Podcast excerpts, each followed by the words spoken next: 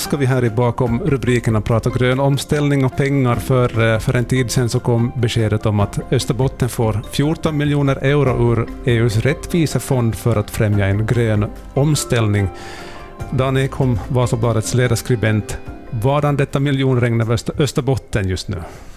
Ja, men det är jätteviktigt att Österbotten får de här pengarna. Och det var ingen självklarhet att man skulle få dem. Tidigare så har ju mycket av de här EU-stöden varit betydligt större när det gäller östra Finland och norra Finland. Medan västra och södra Finland för det mesta har fått betydligt mindre stöd och i vissa fall varit helt utan vid sidan då av, av jordbruksstödet som man naturligtvis får, men, men, när det gäller strukturella fonder och, och, sociala fonder så har Österbotten inte fått eh, lika mycket. Men eh, nu i och med den här gröna omställningen så, så har EU eh, grundat en fond som heter Just Transition Fund, som förkortas JTF, Fonden för en rättvis omställning. Och det var egentligen tänkt att, att man skulle satsa pengar eh, på Polens omställning från stenkolsbränning och brytning till, till mera miljövänliga energiformer. Och det ska den till största delen också användas för, för att Polen använder sig av väldigt mycket stenkol. Men eh, Finland är en av de, länder, de få länder i EU som använder sig av eh, torvbränning, att bryta torv och att bränna torv. Och båda de här grejerna så leder till stora koldioxidutsläpp. Och eh, då kom man för något år sedan på att, att men Finland kan ju söka pengar just för samma sak, för att, att ha en rättvis omställning så att, att de som jobbar i de här branscherna inte kommer att drabbas så mycket som de annars skulle göra när man fasar ut en, en klimatskadlig energiform. Och eh, nu då så lyckades man få för Österbottens del 14 miljoner euro Eh, man kan förstås spekulera i om det är mycket eller lite. Eh, vårt grannlandskap, södra Österbotten, får betydligt mer, men där är också torvnäringen en, en betydligt viktigare näringsgren än vad den är i Österbotten. Vi har inte så mycket torvbrytning här, men däremot så bränner man torv vid olika kraftverk som till exempel eh, på Vassklot här i Vasa och Alholmen i Jakobstad och också i Närpes använder man sig av, av Eh, torvbränningen för, för att få energi. Vad ska de här pengarna rent konkret riktas till i, i vårt landskap till exempel? De som delas ut till sådana här allmännyttiga eh, organisationer, som till exempel universitet och högskolor och yrkeshögskolor och liknande, så sker det via Österbottens förbund. Och sen när det gäller företag som kan söka om dem, så de gör, söker då pengar via NTM-centralen. Och Det kan då liksom handla om till exempel forskningsprojekt, om någon till exempel vid Novia vill forska hur, hur man kunde ersätta de här torvbränningen med andra olika energiformer, så, så finns det möjlighet att, att söka pengar för det. Och sen så för ett enskilt företag, energiföretag eller så, som, som ska sluta med torvbränning, så kan de då söka om, om pengar för bergvärme eller liknande, som, som kan vara andra energiformer, för att det ska liksom vara framtidsinriktat, inte för att, att betala för torven, utan för att hitta eh, nya sätt och nya energiformer. Och, och, så. Ett exempel kanske kunde vara det här som man nu har talat om, det här energilagret på Vassklot, som, som ju är en gammal oljecistern som i fjol byggdes om till att bli ett energilager där man Eh, Eh, lagrar eh, varmvatten i en sån här enorm cistern som man sen kan använda när, när energin behövs. Nästa år så kommer man ju att, att bygga in sådana här elmotstånd i det här så att man kan värma upp det här vattnet med energi från vind och sol.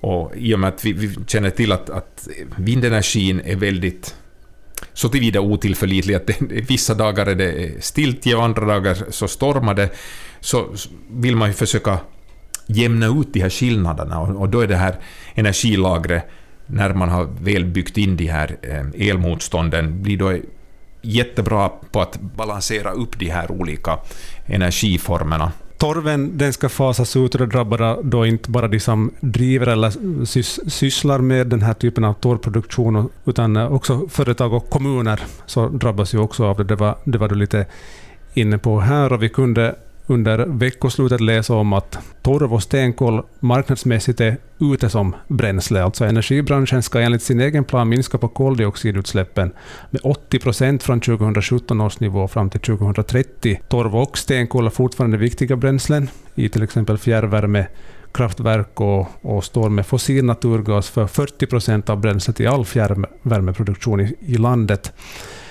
Men att fasa ut torven det är en känslig fråga. Dels för att det har en viss sysselsättande effekt. Dels politiskt. Det är ju inte allt för länge sedan som man inom regeringen gnabbades om just torven. Branschen i sig är relativt liten, men diskussionen blir alltid stor.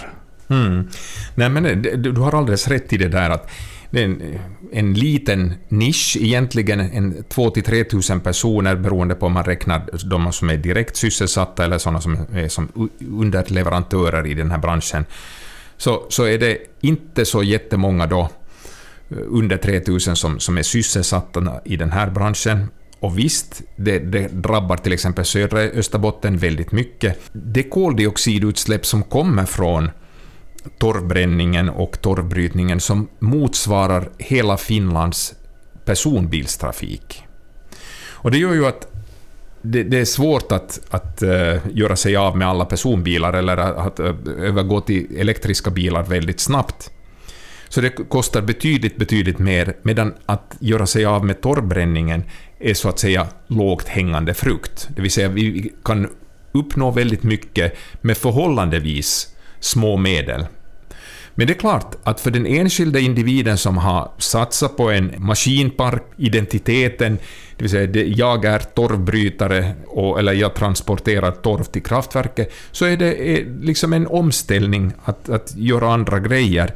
Men där har vi ju liksom ett starkt samhälle som kan stödja de här människorna och, och hjälpa dem att hitta nya näringar. Och det finns en hel massa saker som behöver göras. Vi talar numera mest om brist på arbetskraft och inte arbetslöshet.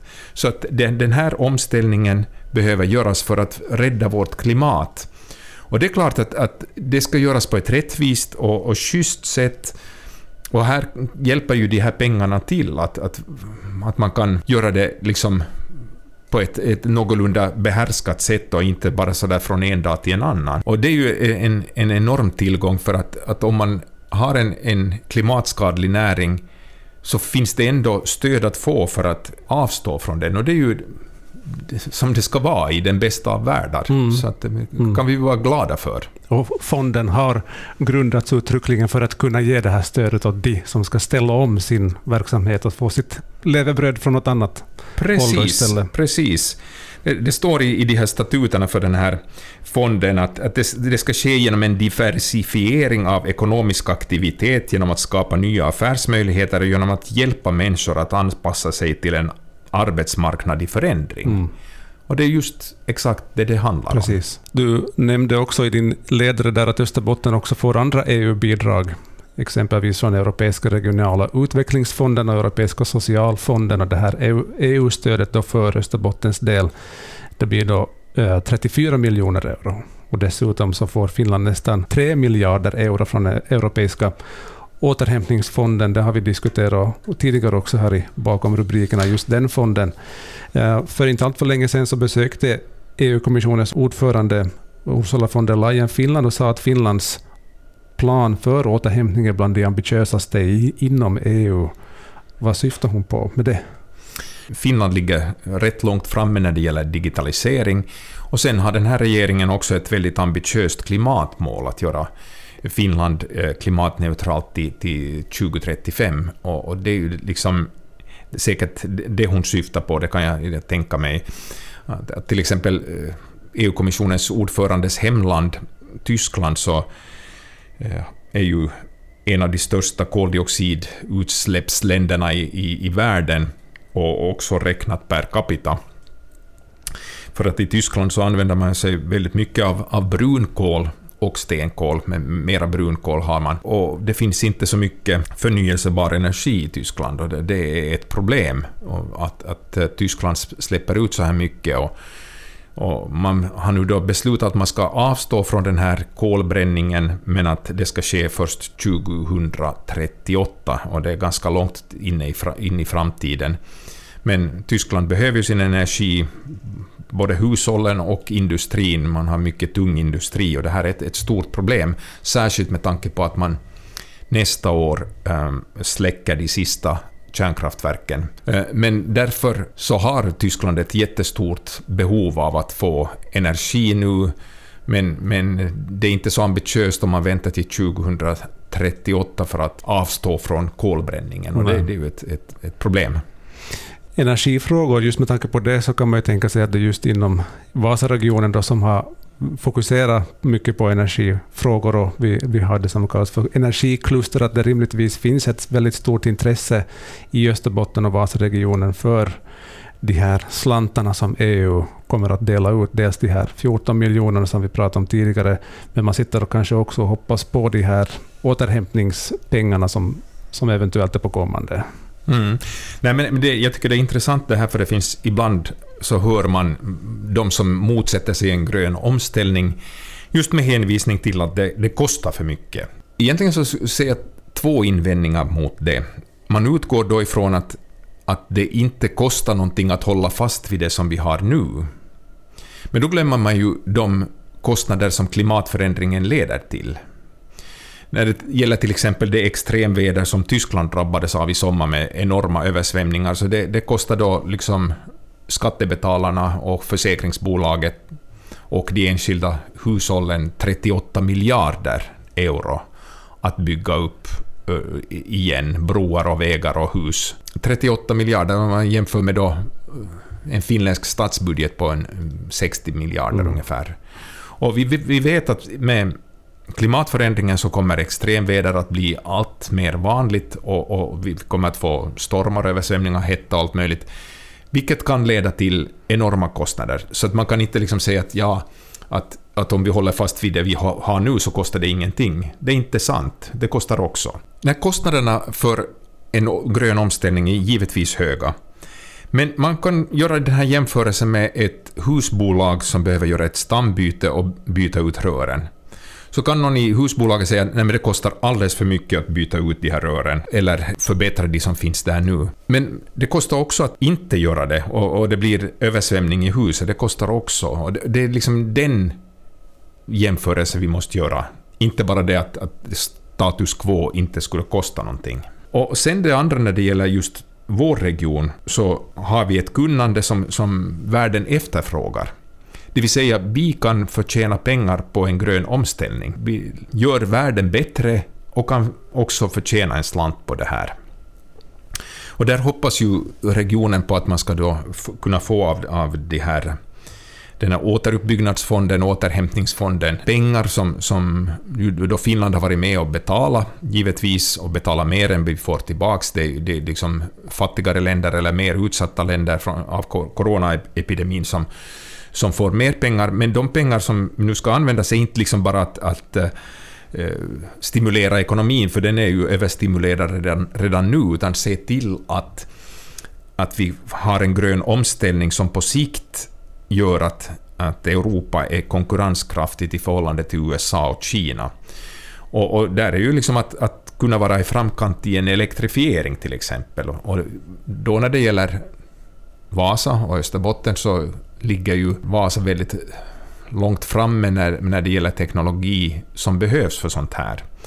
Och det som man nu då funderar på, man hoppas med, med det projekt som kallas Energy Sampo, så handlar det om att kunna ge hela system åt ett samhälle. Okej, och vi säger så här, eh, ett samhälle som använder sig av stenkol, bränner stenkol, och vill elektrifieras och behöver ett helt system.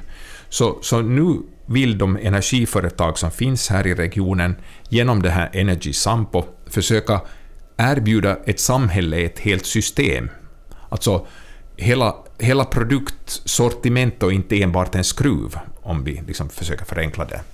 Och, och där hoppas man att man ska kunna få just pengar till den här regionen ytterligare från den här återhämtningsfonden eftersom det här är liksom ett strategiskt vettigt sätt att arbeta och kunna erbjuda eh, en region ett, ett klimatsmart system. Och det här finns ju till exempel ABB och Hitachi som är bra på att, att bygga eh, elsystem, elnät som är, som är smarta och som fungerar bättre. De behöver nämligen byggas om om man använder sig av mer Eh, vindkraft. Till exempel USA har, har ett väldigt föråldrat elsystem som vacklar väldigt enkelt och kan slås ut väldigt enkelt. Här finns det ju liksom möjligheter, affärsmöjligheter om man är, håller sig framme att kunna sälja hela system till ett, till ett samhälle och så. Så att det, det, om man spelar sina kort rätt så, så kan det här bli väldigt positivt för vår region.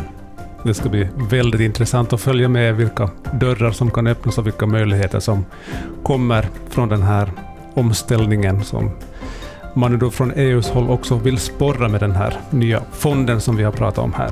Tusen tack, Dan Ekholm. Tack.